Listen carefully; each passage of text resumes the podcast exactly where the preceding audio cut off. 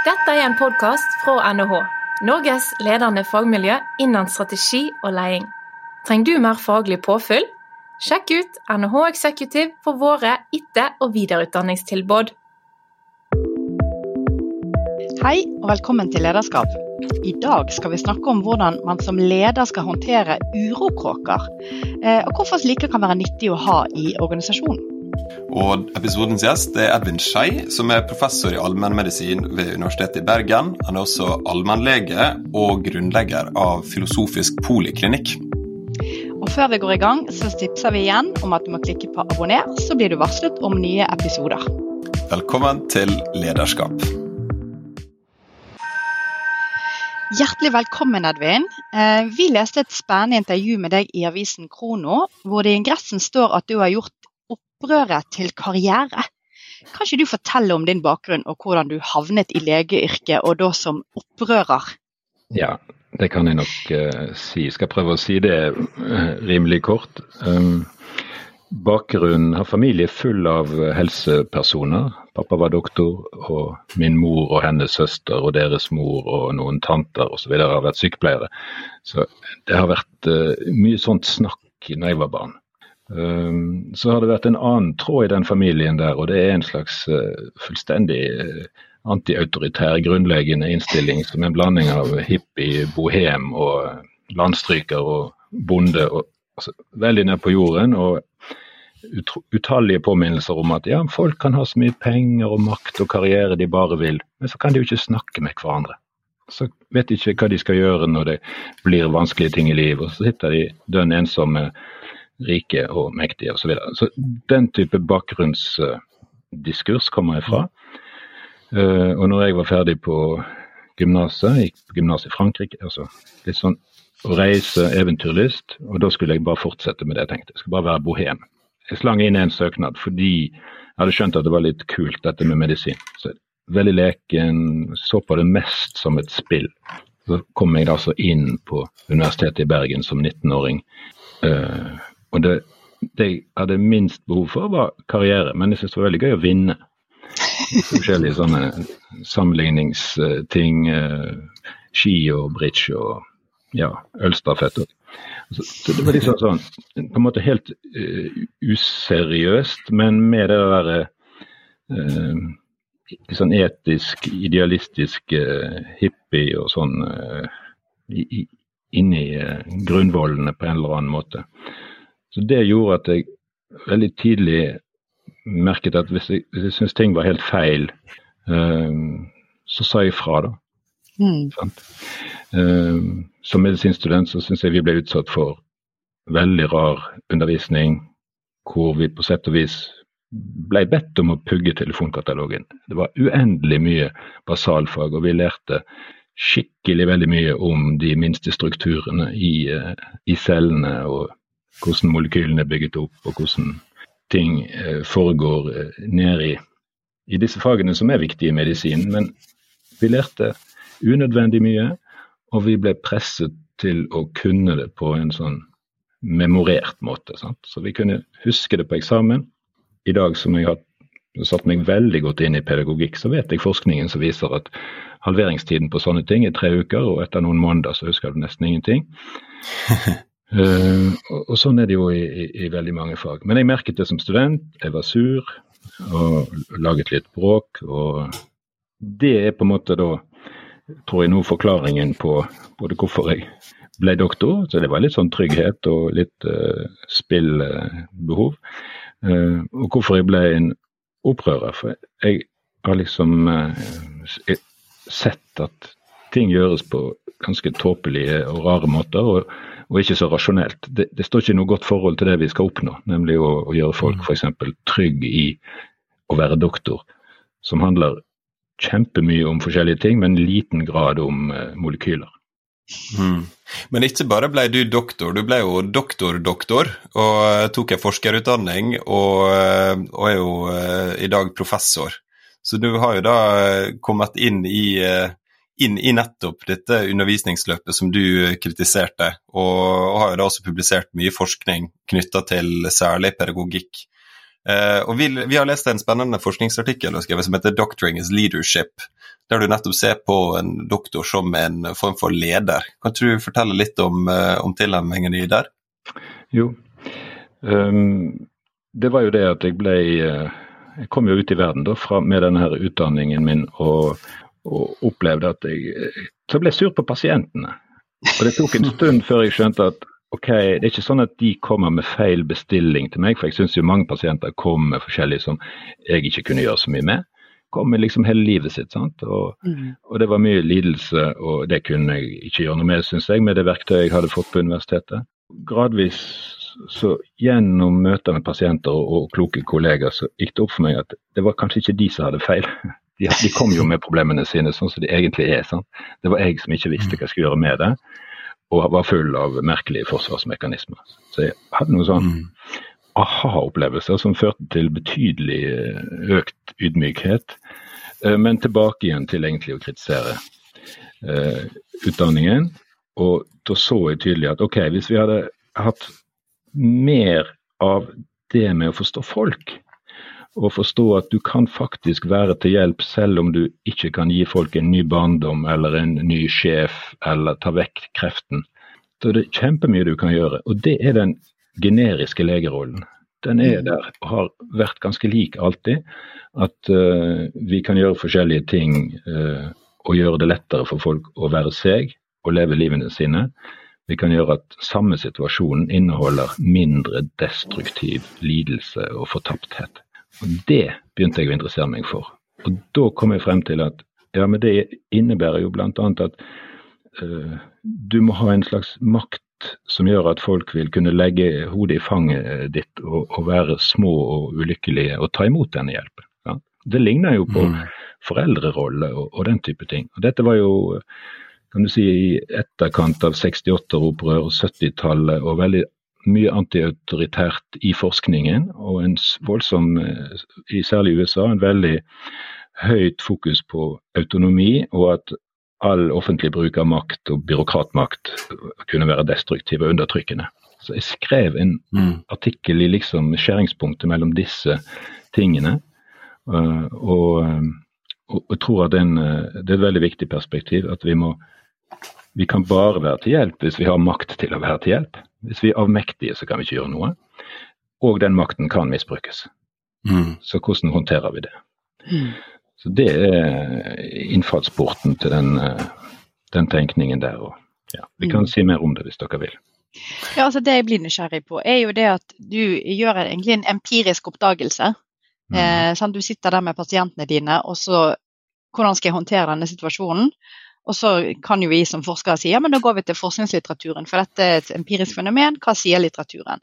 Er det sånn da at du opplever at her er det ikke noe litteratur innenfor legevitenskapen? Her må jeg dykke ned og forske i dette, og da er det denne doktorgraden oppstår? Det er mange, mange veier eh, inn i dette der. Eh, jeg leste filosofi altså, privat. Jeg har ikke studert det, men jeg, jeg prøvde også å finne ut mest mulig om hvordan folk virker. Uh, og, og, så kom jeg i kontakt med litteratur som finnes i medisinen om kommunikasjon. Mm. Og så leste jeg sosialpsykologi og, og, antropologi, og fikk mer og mer tak på at mennesker er, felles, er flokkdyr og er veldig gode med symboler.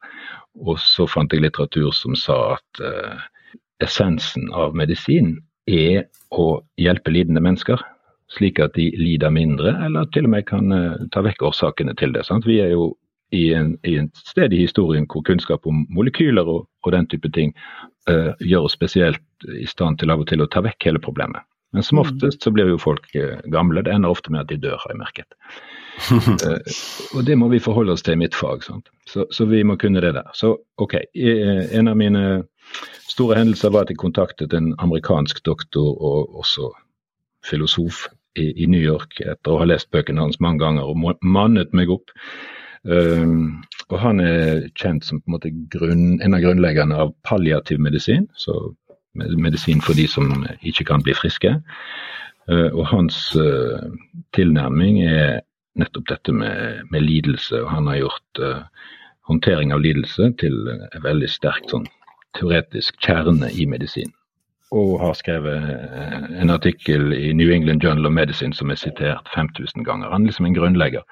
Så jeg kom inn, Han kom inn i mitt liv, og jeg kom inn i hans. Vi ble gode venner. Han ble min mm. mentor. og Han, han døde nå for et par år siden. Men det er veldig mye en, ja, en sånn grunnleggende medisinsk filosofi som dukker opp i dette her.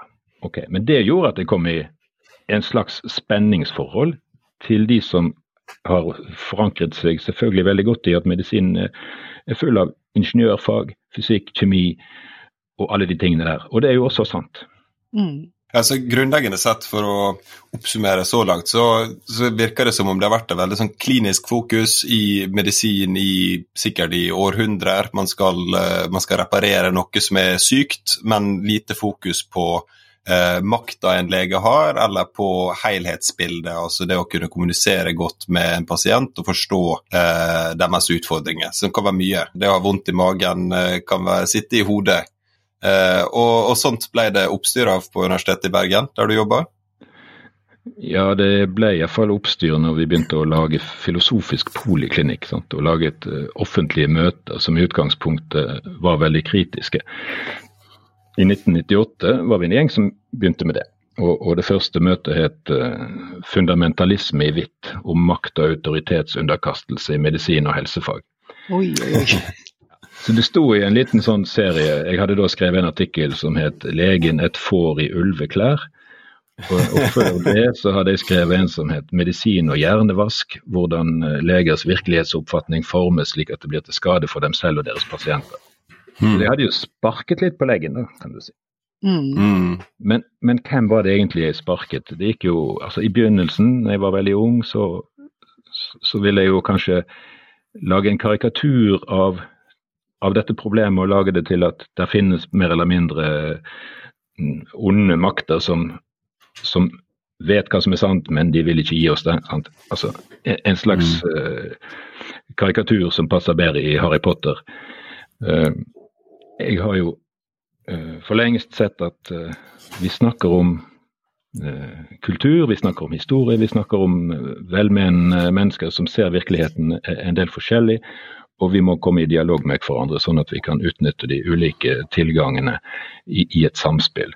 Og jeg har jo selvfølgelig, som fremdeles klinisk doktor på legevakten, så har jeg veldig glede av, av alle de me mekaniske, kjemiske og, og strengt naturvitenskapelige tilgangene. Uh, mm. Men det er så lett synes jeg, å kombinere det med det andre perspektivet, som er at hver enkelt som kommer der, skal jo noe mer enn å klassifiseres.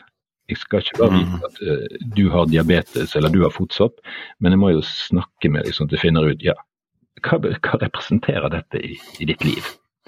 Så det har mm. blitt uh, som karrieren min sånn sett i, i medisinen og i pedagogikken. Sant? Det er å hjelpe studentene til å få en trygghet i, det, i den individuelle samtalen.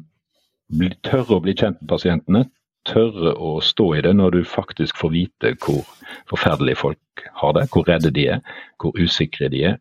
Og du må stå i det selv om du i utgangspunktet ikke vet nøyaktig hva du skal gjøre med det. Mm. Det er mm. kjernen i vår profesjonalitet. Og da hvis vi, så du sier, spoler tilbake til 1998, der da denne første filosofisk poliklinikk ble opprettet, disse møtene, så er det motstand. Ja. Eh, det er ikke nødvendigvis at folk bare tenker 'yes, dette var genialt', at ikke vi har tenkt på dette før. eh, hva er reisen for å få dette inn? For nå er jo det blitt fag i medisin, har jeg skjønt. Mm. Så veldig interessert i å høre litt om reisen i det. Er det først å etablere det som en ja, det vi snakker om klinisk lederskap, at det, det må liksom profesjonaliseres i et mer vitenskapelig for at de skal ville tro på det, eller er det mer å bare nudge og hele tiden være i opposisjon og til slutt bare sier de vi gir oss? er det en kombinasjon, kanskje? Ja, det er mange ting. Husk at også i løpet av mange år så, så skal du si, dinosaurene dør hele tiden ut. Snart er det vel jeg som er dinosaur, så, så skal jeg gå av. sant? Og så kommer det nye folk inn fra bånn. Og vi lever jo i en tid i verden hvor, hvor vi kan se at ja, hvert femte år så har jo på en måte unge mennesker en ny virkelighet. Om, om ikke annet så pga. teknologien og, og, hva som skjer. Men, men der er mange ting. Um, så de gamle måtene De som var mine lærere, de hadde jo blitt doktorer på 50- og 60-tallet og hadde sine holdninger fra den tiden. Så det skjer. så er det i denne tiden i medisinen en veldig økende interesse for kommunikasjon og psykologi og etikk. Og det har jeg vært en del av allmennmedisinmiljøet her, og, og, og, vært en veldig seriøs og, og aktiv deltaker i. Så, um, så når studieprogrammet for medisin skal gjøre en reform, og de har, gjør et stort arbeid, de ser seg rundt i verden og de ser ja, det er jo noen som heter profesjonalitet som undervises på universitetene i Nord-Amerika. Det, det, er jo åpenbart at det bør vi også ha. Det er jo noe dette med legerollen. Og Da er det jo på en måte min generasjon som begynner å, å eie fakultetet. Mm. Og det er en større åpenhet. Og fordi jeg har jobbet mye med kommunikasjon, så får jeg da uh, overta den uh, litt foreløpig tomme pokalen som heter profesjonalitet. Sant? Så uh, fra, fra, 2012 så har jeg ledet profesjonssøylen på medisinstudiet. Og den, ja, så var det nyskaping, ny, ny studiemodell, en uh, spesiell anledning til å gå inn i et litt umøblert landskap og, og skape noen ting. Mm. Så det er sånne muligheter som kan dukke opp eh, i et system. Jeg er jo veldig dårlig til å spille akkurat veldig godt med systemet, med de politiske prosessene. Men jeg er ganske kreativ til å lage noe nytt litt sånn på siden. Med folk på dugnad, mm, gjøre ting sjøl uh, uten at jeg trenger å gjøre det, uten penger og sånn. Kan lage den type ting. Starte det, og så satse på at ressursene kommer etter hvert. Mm. Så det er en uh, innenfor organisasjonen. Dette med å ha filosofisk poliklinikk, skrive bøker, øh, kronikker og bli en litt sånn der C-kjendis med, med, en viss intellektuelt opprør, det har nok hatt masse rare effekter opp igjennom. Vi har jo sendt ut titusener av e-poster om disse regelmessige møtene. Temaene har alltid vært litt sånn gøye tabloide titler. Sant? Eh, sex, hud og organer. Og, altså, forskjellige ting som kan pirre interessen. Sant? Også, hvor overskriften er både medisin, filosofi, veldig seriøse, høytidelige uh, temaer eller symbolladete ord. Uh, og hva er universitetets kjerne? Ikke det å skape ny, tank, ny tenkning, ny innsikt, kritisk refleksjon. Så, så, liksom vi eh, er blant de gode, selv om vi sier at uh, vi må skjerpe oss og, og det finnes blinde flekker i, i, universitetets måte å tenke på. Så kanskje en slags uh, narr, narrens rolle i god forstand. Uh, innenfor organisasjonen. Sant? At de kan si ah, vi vil ikke høre på de der han som var dekan på medisin den gangen vi begynte i 1998, han ringte til meg for å si dere må ikke bruke universitetets ugle i annonser for dette rare tullet deres. For det hadde vi hatt i Bergenstidene. da. Men de holdningene har forsvunnet. Vi har aldri gjort oss avhengig av universitetet sånn pengemessig eller på noe vis. Men vi blir anerkjent f.eks. nå når vi fylte 25 år med filosofisk poliklinikk. Og jeg tror det er den urokråkefunksjonen som en sånn eh, et universitet egentlig trenger veldig godt. sant? Fordi at, mm. ja, de må jo fungere som en stabil og, og, sterk organisasjon full av lover og regler, men de må jo helst ikke forsteines. Eh, mm. Så det må, eh, det må ligge noe der.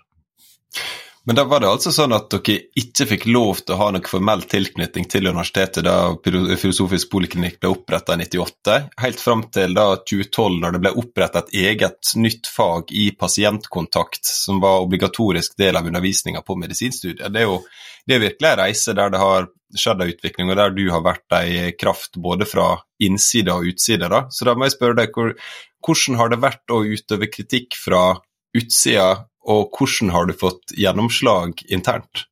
Uh, ja. Jeg har uh, sett på meg sjøl som en outsider. Jeg var nok ganske voksen før jeg hadde den minste følelse av at universitetet, det er meg. Jeg hadde jobbet der i mange år uh, og følte at universitetet, det er de. Universitetet er ikke interessert i meg. Universitetet er en kald skulder. Og jeg er ikke så interessert i de heller. Men jeg har iallfall jeg har en fast jobb. Det er, jeg kan sitte her, og så kan jeg være trygg, og så kan jeg si det som jeg tror er sant. Og så kan jeg prøve å, å få medisinere til å tenke på mennesker. Og bli god på mennesker også. Jeg kan skrike.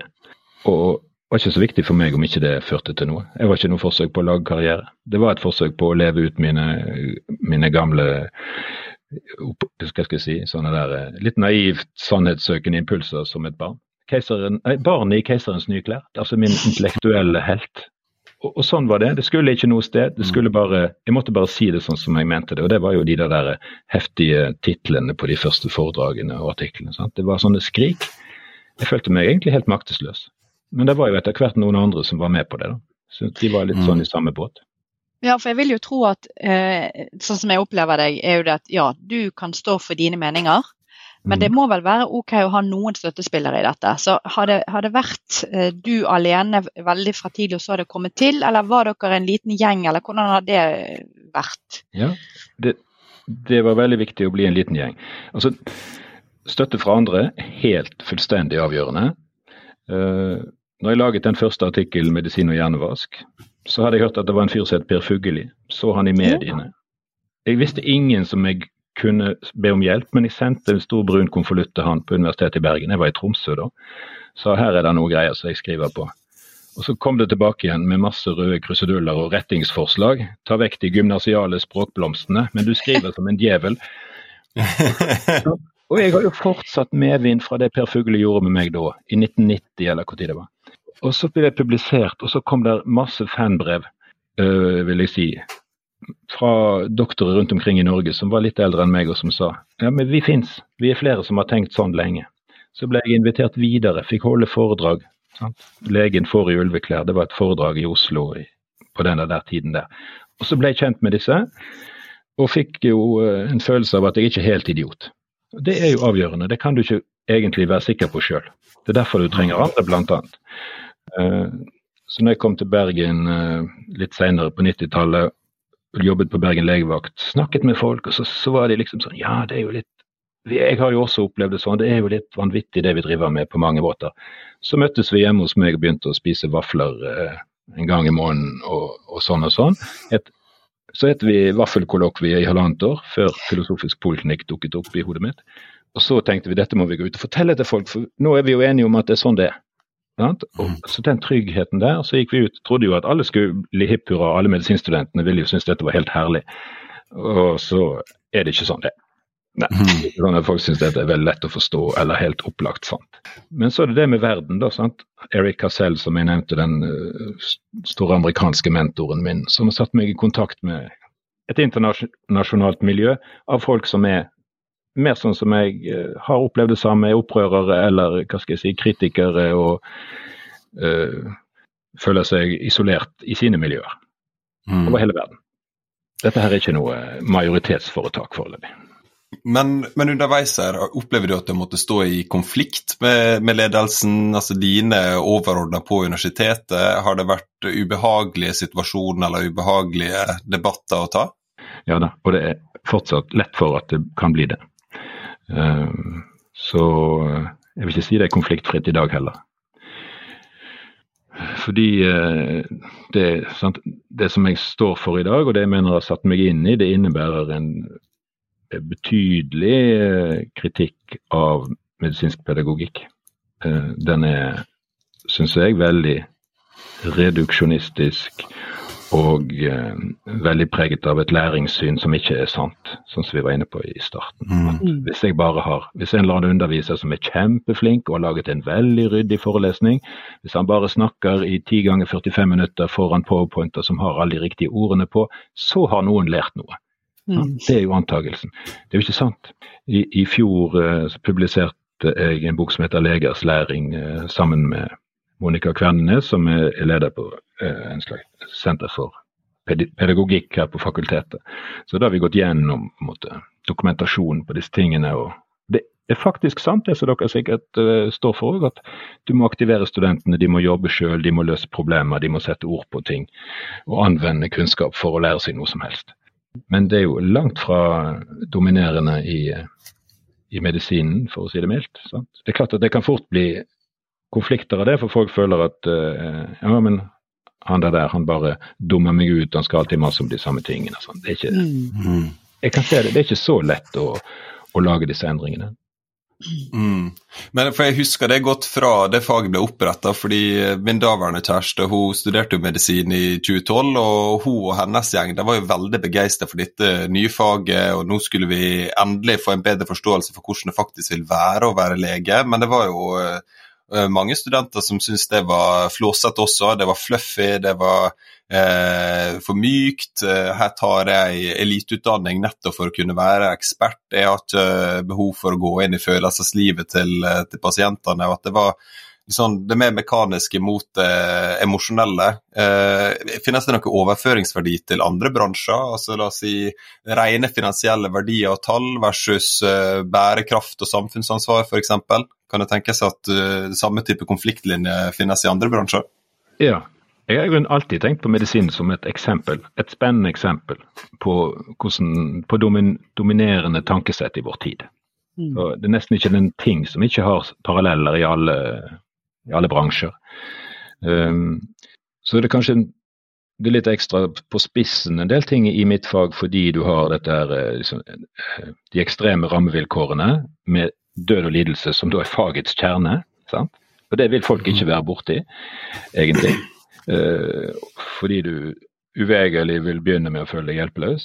Uh, også mange muligheter for skam i mitt fag. Mm. Avmakt kan være skammelig, men også blottstillelse. Og det å synde mot alle de sunne levereglene osv. Så, det er mye sånne ting. For å jobbe med det som du nå beskrev, Tellef, med det faget pasientkontakt, så er det jo avgjørende at studentene blir i stand til å leve seg inn i hvordan det er å lide og føle seg skamfull og og ha det litt vanskelig på venterommet når du vet du skal inn til doktoren og si noe om tissen eller rumpen eller et eller annet, eh, at du har gjort underslag på jobben. Så? Folk kommer til oss og må si sånne ting. Da må jo vi vite hvordan det er å føle seg liten og svak. Mm. Ellers så klarer vi ikke å leve oss inn i det. Så jeg må ta studentene litt gjennom deres egne erfaringer av eh, å sjøl ha behov for helsetjenester, og sjøl måtte ta imot hjelp, og sjøl at noen har dødd som de var glad i Eh, deres egne opplevelser av skam og usikkerhet som det jo florerer av når de kommer først opp medisin. Sant? Og sitter der med 200 medstudenter. Det er så mye engstelse for skam og utstøting i hele rommet, så jeg bruker det.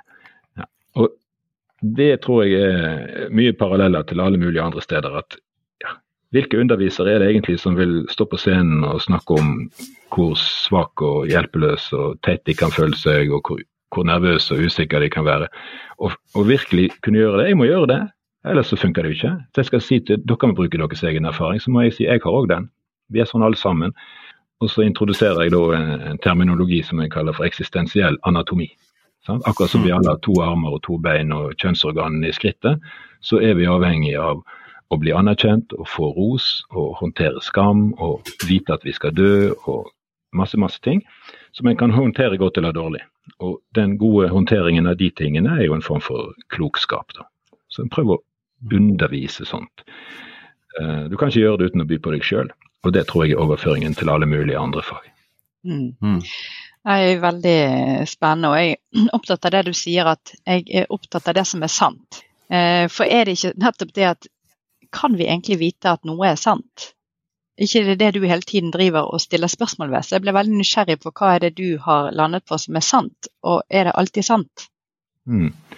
Ja, sant. Og det er jo uh, så fint. Det er jo, det er jo den grunnleggende filosofiske tilnærmingen.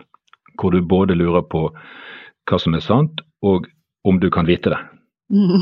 Ja, For det er jo det. sant? Hvis, du, hvis, hvis ditt organ er, er, forvrengt, så vil du føle at det er sant, men det er ikke sant. Uh, og organene våre er forvrengt, og det er jo liksom kunnskapen vår og sansen og kroppen. Jeg tenker egentlig at Uh, å se det gjennom en sånn evolusjonsteoretisk linse er, er det beste tilgangen. Uh, det, ikke, det, trenger ikke være sannere enn at vi overlever og forplanter oss i, i titusener av generasjoner. Uh, og det er sånn vi er laget. Og den virkeligheten vi opplever, er kroppens ferdig fortolkede bilder av et eller annet der ute. Mm. Og, og, da tenker jeg at um, sannhet for mennesker om disse tingene her, det er Det kan vi komme nærmest ved å stikke hodene sammen og dele erfaringer. Og sjekke at de erfaringene her, de deler jeg og dette som vi snakker om nå, det sier vi til tross for at det er et ubehag med det. Vi sier det ikke for å belønne oss sjøl og klappe, oss, klappe hverandre på skulderen og lage en løgnaktig boble, men vi strever oss frem til eh, en felles eh, erkjennelse som inneholder både smerte og fallhøyde. Da begynner jeg å tenke at ja, dette er så sant som vi kan få det, for nå er vi ærlige. Mm. Så det handler om å komme inn i den eh, dialogen, den samtalen, det å vise seg sårbar. Eh, det å by på seg sjøl. Og jeg kan absolutt se for meg at når du er i medisinstudent, der du nettopp setter pris på at her er det to streker under svaret i fysikken og kjemien, og så kommer du inn her, og her er det uh, åpenhet og sårbarhet, at det er en utfordring. Ja, men det er også to streker under det. Mm. Sånn, fordi det er universelt. Det er eksistensiell anatomi. Det er ikke sånn at sitter en oppe i salen som ikke har det sånn. Ja. Mm. Og, det, og, det, er jo veldig fint å bygge fag på det. for jeg sier, uh, Du kan vite noe om alle som kommer inn døren. Du kan vite at de har høyre og venstre arm. Mm. At de har uh, tykktarm. Men du kan også vite at de er sårbare, og at de er redd for å dumme seg ut. Og at det vil være veldig fint for de å møte en vennlig lege som ser de i øynene, og ikke ser på skjermen. Det gjelder alle. Men hvis jeg kan spørre deg, Edvin. Jeg har jo hørt deg snakke en gang før ute på NHH til våre studenter. Eh, det å være god nok. Og da, Jeg har glemt hvilken filosof eller hvilken forsker du henviser til, men det var det at det fantes fire typer kunnskap. Mm. Kan ikke du gjenta den hvis du husker den, i forhold til at kunnskap er om tingene, og så er det kunnskap om seg selv og andre osv. Ja, jeg vet akkurat. Jeg har uh, tenkt på det og brukt det mange ganger. Uh, Syns det var så fint. Det er fint. Det, det var en engelskmann som het EF Schumacher, som skrev 'Small is beautiful' og 'A Guide for the Perplexed'. Og det er den siste boken hvor jeg fant det der. Uh, han sa jeg har gått gjennom alle de store filosofiske tradisjonene og de store religionene og klokskapene i verden, og prøvd å se om de har noe felles. Og så jeg kommet til at ja, egentlig så ser de at uh, alt som mennesker kan vite, kan du egentlig putte i fire bokser. Og hver sånn boks kan du illustrere med et spørsmål. Og den første typen kunnskap, den handler om hvem er jeg? Mm. Uh, forstå seg sjøl. Og den andre boksen, den handler om hvem er du? Hvem er alle de andre menneskene? Uh, og så er dere allerede kanskje i stand til å si at ja, det ene, du kan ikke svare så godt på det ene uten at du har et bra svar på det andre. Og det vil gjelde hele veien rundt. Alle fire kunnskapsfeltene er avhengig av balanse her. Mm. For det tredje feltet, det er hvem er jeg for deg? Mm. Mm. Og det er hele spennet fra krig til kjærlighet. Sant? Mm. Det som skjer på Gaza i dag og i Ukraina, er, er, har med det å gjøre. Uh, og så er det det fjerde feltet hva fins i verden? Mm. Som er den objektive kunnskapen. Som også er helt viktig. Og de andre tre, du kan ikke bare sause rundt i de andre og bare være hippie. Sant? Du må, uh, men jeg syns det er veldig tankevekkende modell, fordi den tilsier at uh, liksom, tre fjerdedeler av de store temaene er relasjonelle og, og, har med oss mennesker å gjøre. Sant? Og det er jo det med Mm. ja, hvilken, hvilket verktøy er vi for å forstå? I, i hvilken grad introduserer vi biaser og forvrengninger? Uh, og hva gjør vi med det at vi er veldig avhengig av hverandre og av felles greier, f.eks. språk? Ja. Det er kjempespennende å høre på det, og det er jo tydelig at du nettopp har blitt en, eh, en, en viktig stemme eh, for medisinutdanningene i, i, hele Norge, og selvfølgelig også leses internasjonalt. Da. Men, um, men du har jo da både vært opprører, altså stått i, stått i motsetning til det, det rådende synet på, på medisinutdanninga og legevitenskapen, i tillegg til å egentlig lede fram noe. Så ser du noe konflikt mellom å være leder og å være opprører på samme tid? Mm, det var jo et spennende spørsmål. Uh, det,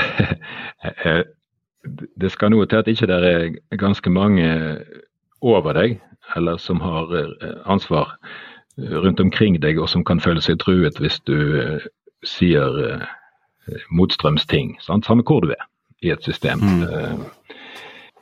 alle høyt utdannede mennesker og i høyt utdannede jobber vil jo ha varianter av lederposisjon. ja, jeg tror nettopp at du blir du har, det er også betydelig fallhøyde, sant? fordi du kan bli eh, tatt eller kritisert eller motarbeidet av enda mektigere mennesker.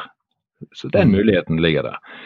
Um, jeg har prøvd å unngå det, at det gjør jo at du blir lammet. Uh, så, så i den grad jeg har forvaltet uh, formelle og, og, og potensielt veldig uh, kraftfulle posisjoner på medisinen, hvor jeg har kunnet skape nye ting, så har jeg tenkt hele tiden hvordan kan jeg lage allianse? Hvordan kan jeg få de som ikke ser det sånn som meg, til å føle seg trygg når de snakker medvind? Hvordan kan jeg eh, være en grei fyr? Det være varmt og trygt når vi snakker sammen, at ikke de føler seg dummet ut og sånn og sånn. Så det er klart, Den, den indre dialogen har gått veldig veldig mye i meg, fordi jeg har sett hvor mye, hvor lett det er å lage surhet og konflikter. Jeg har også sett at noen av de øh, negative tingene som jeg skapte øh, ved å være altfor stor i kjeften på 90-tallet, jeg tror ikke de går vekk. Altså, Jeg tror at en del studenter for eksempel, som hadde meg som lærer da i begynnelsen jeg prøvde ut en del av disse tingene, de opplevde meg som så forferdelig kritisk til den medisinen, den vanlige medisinen. Som de jo Mm. godt visste var nødvendig og bra. Jeg glemte å si at jeg også syns det. Mm. Jeg bare kritiserte det som var feil, og så ble de sur, og det tror jeg de er ennå. Og i dag er de i 50-årene. Men her, er det jo, her hører jeg jo at du har hatt en læringsreise. Eh, å være opprører. Så hvis du skal dra oss igjennom eh, noen punkter der, hva har vært reisen da? Hvis du skulle snakke til Edvin på begynnelsen av 90-tallet, hva skulle han visst for å starte denne reisen på en, på en bedre måte, uten at de nå, som du sier, sikkert er sur på deg ennå? Ja. Uh, trygghet, trygghet og trygghet. Jo flere mennesker som har på en måte vitnet om at uh, det jeg står for er ok, og at det er nok sannhet, sant? det er en viktig ting. At ikke jeg er dum. Mm. Eh, For jeg tror mye av det som fremsto aggressivt og arrogant, handlet om eh, en eh, veldig sårbarhet og usikkerhet og, og redsel for å være dum. Det tror jeg er min eh, sånn psykologiske akilleshæl. Men samtidig har jeg dette med at jeg må si det som er sant. Eh, sånn at eh, hvis jeg hadde vært tryggere og, og hatt eh, hva skal jeg si, de, de som senere er blitt uh, ja, mentorer. Én ting er de voksne eldre som har gjort meg trygg, men tenk så fint det har vært å bli litt eldre sjøl, og så få bekreftelse fra et utall studenter og et utall pasienter. Mm. Så- Så etter hvert så har jo jeg eh, sluttet å være urolig for om jeg tar feil. Mm. Og da er det mye, mye, mye kjekkere eh, og enklere å fremstå som en, en godslig fyr som egentlig vil noe fint, og det vil du også. og La oss bare legge våre pjalter sammen og, og våre forskjellige verktøy sammen. Det er jo veldig interessant. Men jeg, jeg vil jo òg tro at den reisen kanskje var nødvendig for å nå Altså den klokheten, da, hvis jeg skal kalle det det, har jo noe med å si på den reisen du har vært gjennom for å nå dit. Så det er ikke sikkert eh, sant? Hvis vi skal OK, lyttere der ute, nå skal dere gå ut og være opprørere. Her er oppskriften til Edvin. altså, kan vi si at det fins? Nei, altså eh, Det har blitt sånn fordi jeg ikke hadde så mye å tape, fordi jeg ikke skulle noe sted. og Skulle bli bohem, så var det helt greit og trygt for meg sånn sett å bli litt utstøtt. Mm. Jeg var har eh, vært ufattelig eh, lite opptatt av strategier for å kare meg frem i systemet. Det er jo kanskje styrkedrikken, Eh, og den kan ikke du overføre. For det handler egentlig om trygghet. Sant? Jeg kan takke min kjære hippiemor for det der. En litt uvanlig tilgang fra en mor, for de vil ofte si ja, du må være så og så flink, og du må bli likt av alle. Ellers er livet fryktelig utrygt. Men jeg har aldri hørt et pip om det. Tvert imot. Sant? Du kan iallfall klare å, å lage et bål i skogen og dyrke gulrøtter hvis det skulle gå riktig ille. Så liksom det ligger under der. Og da kan du havne på en sånn reise. Uh, og da kan du komme gjennom uh, de, de ukloke årene og slikke sår etter å ha tatt noen ukloke valg, sagt forferdelig dumme ting. Uh, så blir det dette med at det som er, virker sant og bra og rettferdig, det er noe der hele tiden. Da, så jeg får prøve å finne en annen måte å si det på. Og få litt hjelp. Ja. Så, Mm. så blir det utvikling, ja. Og bare for, hvis vi penser litt over, hvis du klarer å ta det perspektivet, det å være leder for Edvin. Hvordan er det, og hvordan skal en leder møte medarbeidere som gjerne har denne i seg, litt urokråken, kritikken, og som um, du kanskje kan bli litt irritert på, som en leder jeg snakket med før i dag. Jeg fortalte om denne episoden, så sier han åh, den opposisjonelle medarbeider, jeg elsker de, men jeg hater de. ja, altså har jo, øh, Dere har jo røpet litt hva vi skulle snakke om. Jeg syns det var det mest øh, utfordrende spørsmålet. Mm. Uh, som betyr at jeg nok ikke har tenkt så mye på det. Men jeg har erfaringer. Jeg mm. har uh, en del ledere som jeg har kommet veldig godt ut av det med. Jeg liker ikke så godt å være formell leder. Jeg liker veldig godt å være andrefiolin. Fordi jeg, jeg, har ikke så dreis på regler og, og sånne her eh, forsteinede strukturer som en faktisk må forholde seg til. Sant? Jeg eh, improviserer litt mer. og Da er det fint at de tar seg av det som må være rett, og så kan de snakke med meg. Så kan jeg bidra med ideer og bekreftelser og sånt. Emosjonelt og intellektuelt så er jeg kreativ. Eh, og jeg uh, er veldig ansvarsfull, tror jeg nok. Sånn at jeg, hvis jeg har gjort noe dumt, så er jeg veldig villig til å innrømme det og, og gjøre andre ting og forandre meg. Uh, men som dette her er barnet, da, så må det også være rettferdig. Så hvis jeg ikke blir stolt på, så blir jeg veldig piggete. Mm. Hvis jeg derimot nyter tillit og, og sånn, så kan jeg være beundrende og støttende og fleksibel og kan ta og spille tror jeg, veldig bra sånne støttende roller i, i en organisasjon. Men hvis folk kommer til meg med urettferdige anklager eller nekter å høre på meg, så blir jeg rasende. Mm. Veldig vanskelig å ha med å gjøre. Og gir meg jo ikke. Det, Nei.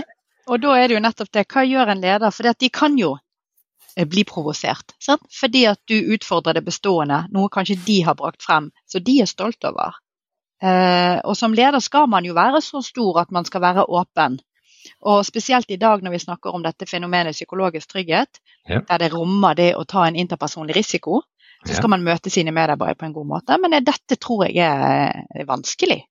Det er helt åpenbart vanskelig, og det er, såpass vanskelig at jeg er ikke sikker på at det jeg sier kan operasjonaliseres. Men det kan det til en viss grad, for da vil jeg si tenk på forskjellige måter du kan lytte på. Ikke avbryt folk som har mer å si. Tvert imot, si, si mer om dette, Edvin. Mm. Jeg skjønner ikke en dritt av det du sier, kan du få si mer? Istedenfor å komme opp med en eller annen fordomsfullt motargument som ikke er basert på det denne, dette mennesket har å si, men mm. på et eller annet som lytteren har lyst til å lande på. Mm. Ja, Da krasjer du den der samtalen, og du gjør den andre til en sint veps. Mm. mm. Mens hvis du hører på, så kan du være du kan, være en, eh, du kan oppnå mye bare med å være sleip og strategisk. Det går an, fordi du vil ta ut uh, motkraften ved å lytte, enten du har tenkt å bruke det til noe eller ikke. Du vil også fremstå uh, mye mer sympatisk hvis du lytter til den andre ferdig. Så vil jeg jo mene at hvis du lytter til et menneske som har noe å fare med, så vil du jo lære noe. Og jo mer du lytter og holder kjeft, jo mer vil du gi deg sjøl tid til å tenke over det du hører. Og så kan du ende med å uh, bli mer fleksibel og få litt nye tanker i hodet. Mm. Men å begynne å argumentere mot en sånn som meg, før du har hørt hva jeg har å si og hvorfor, det er bare å, å lage rot og tull. Ja. Mm. Ja, men jeg synes jo det, som du sier, eh, Å operasjonalisere det burde jo være mulig, men om det er emosjonelt er mulig. Sant? Og er man moden nok i å forstå har jeg lyttet nok nå? Det er vel ja. det som kanskje er det eh, utfordrende. For jeg jo Det man parer gjerne med, med, psykologisk trygghet, er å vise seg som leder som en som er nysgjerrig på sine medarbeidere. Eh, og så har vi jo ikke, sant? selv vi da som utdanner våre økonomer og fremtidens ledere, prøver jo å pirke borti dette på våre studenter. Men der har vi jo selvfølgelig en lang vei å gå. Vi ønsker kritiske, nysgjerrige, reflekterte ledere. Eh, får vi frem det, så vil vi også kunne møte disse medarbeiderne som har noe å melde på en bedre måte. Men dette tror jeg krever eh, modenhet, trening, eh, tilbakemelding og dette som du brakte opp i sted med anerkjennelse. Mm. Anerkjenne at det er lov å komme med kritikk. Anerkjenne at ledere også kanskje ikke alltid er perfekte og møter deg på en god måte, men kan si unnskyld etterpå. Ja. Mm. Og så kanskje at en kan lytte etter, og det kan en jo ha på lappen sin. Uh, hva er det du dypest sett vil oppnå? Mm. Hvordan, hva vil egentlig være bra for deg, tenker du? Mm.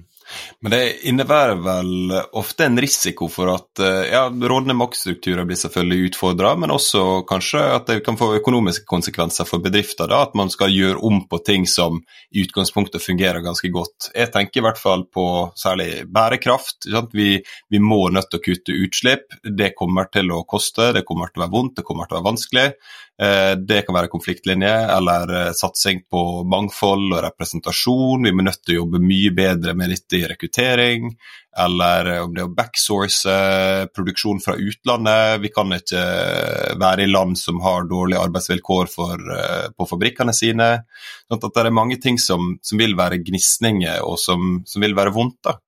Så kan du Men du har jo da fått gjennomslag eh, for mye av din tankegang. Så Eh, fra ditt perspektiv, er det er det én konkret strategi som er mer fruktbar når du skal snakke med ledelsen? Du skal se det fra den siden av bordet også.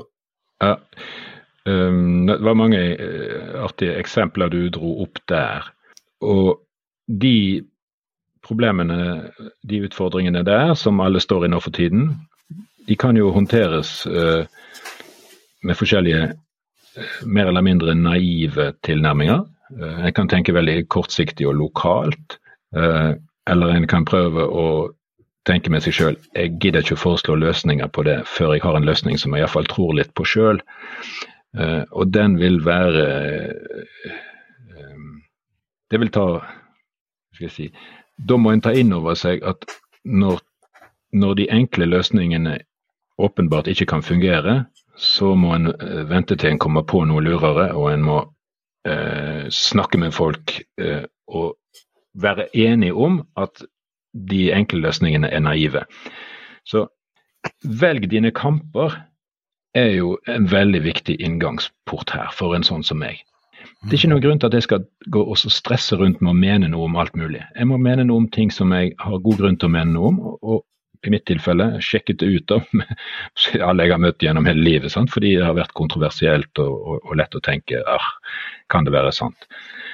Uh, så jeg, jeg, vil jo tro at uh, hvis du får uh, hva skal jeg si hissige og meningssterke forslag fra folk som ikke har tatt seg bryet med å tenke gjennom om det de står for er, er lurt og sant og godt forankret, så kommer det opp i en annen type diskusjon som nok vil se lik ut, men som jo ikke er akkurat så veldig lik. da, sant? Det, det er noe med saksforholdene her som, uh, som vil gjøre at uh, ja, samme type prosess vil egentlig handle om uh, veldig forskjellige ting. Jeg vil aldri mene noe om hvordan bedrifter skal forholde seg til de der bærekraftsproblematikkene f.eks. Jeg vet ikke. Jeg vet ikke hvordan jeg skal gjøre det. Jeg kan se en del forslag, jeg syns ikke noen av de virker veldig gode. Og der er vi. Mm. Ja, var, Nå tenkte jeg ikke konkret på at du skulle komme med løsninger på f.eks. Uh, utslippskutt i, i, industrisektoren, men mer uh, uh, Det virker som du i hvert fall har søkt allianser, at man har, man har noen samarbeidspartnere eller noen man snakker godt med, og at man kanskje kan komme fram til noen løsninger før man går til ledelsen, da, eller før det er strategisamling, eller hvordan eh, dette fungerer. Ja, og du tenker du må jo være djevelens advokat så det holder, da. Når du mm. skal være, mm. komme med noen upopulære synspunkter, så må du på forhånd ha testet om det du har å si egentlig er så lurt. Så Det er for så vidt også essensen i en vitenskapelig holdning. Det er veldig artig å se tilbake igjen til uh, jeg har sett Claude Bernard, som var den som fant ut hvordan leveren virker og at vi lager sukker i kroppen og sånn og sånn. Men han skrev veldig flott vitenskapsteori og definerte den vitenskapelige holdning som ønske om å finne den aller beste innvending mot det du gjerne vil holde for sant. Og han var den som oppfant den eksperimentelle metoden. Og eksperimentet i naturvitenskapen handler om det. Du lager et eksperiment som kan falsifisere den hypotesen du tror på. Mm. Og Hvis du kan ta det inn i eh, tankelivet ditt, og ikke minst i følelseslivet ditt, altså at du kan ha en innvending mot noe du føler veldig sterkt, at sånn er det, sant? Eh, da blir det ofte ganske holdbart det du har å fare med. Eh, og det ligger litt i det du snakker om, Tellef. At det er, jo, det er jo noe som kan skje her med at det blir mye motstand, at du klarer å sile vekk en del av de dummeste ideene du har. For har ikke, mm. jeg har jo ikke hatt rett hele tiden i alt jeg har ment. Nei, men det er likevel denne grunnstammen. Eh, dette som du sier er sant, som du tydeligvis har trodd på og har vært med deg hele veien. Så eh, utrolig mye spennende vi har vært innom, syns jeg nå, eh, Edvin og Tellef. Så hvis vi skal begynne å gå inn for landing, så liker vi på slutten av eh, vår podkast å ha noen sånne type konkrete tips til ledere eh, som skal håndtere urokråker som ønsker endring. Hva vil du si til de da, hvis du vil oppsummere litt av det vi har snakket om, Edvin? Uh, vis respekt for urokråkens gode hensikt, og ta deg tid. Lag gjerne en avtalt ramme for, for en prat, uh, men ha tiden og tålmodigheten og nysgjerrigheten til å virkelig finne ut hvor kommer denne uroen fra. Hva er bakgrunnen? Delvis argumentene, delvis lengslene og drømmene. Delvis erfaringene med at ja, men sånn som vi har det nå, det funker jo ikke. Og eksemplene. Og ok, hvis du da er den lederen som må høre på dette, kanskje innebærer det en del kritikk av ting du har stått for og ting du har gjort. Så vær forberedt på det. Det er ubehagelig. Du kan bli flau og sint. Sant? Vit det på forhånd, og, og, se om ikke du kan uh, la de tankene fare, og så lytte videre.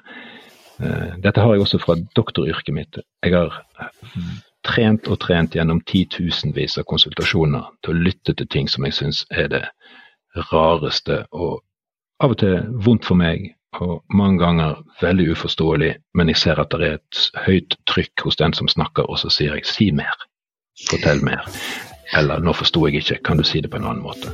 Så Det er lyttingens kunst. Mm. Veldig fine tips, og veldig konkrete, vil jeg si. Ja. Eh.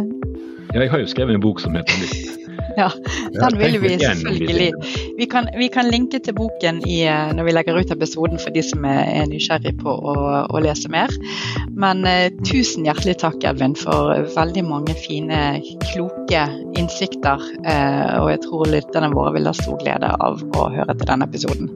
Veldig hyggelig å snakke med dere. Tusen takk, Edvin. Du har nå hørt på Lederskap, NHHs podkast om ledelse. Mitt navn er Therese Egeland. Og jeg heter Tellef Solbakk Rave.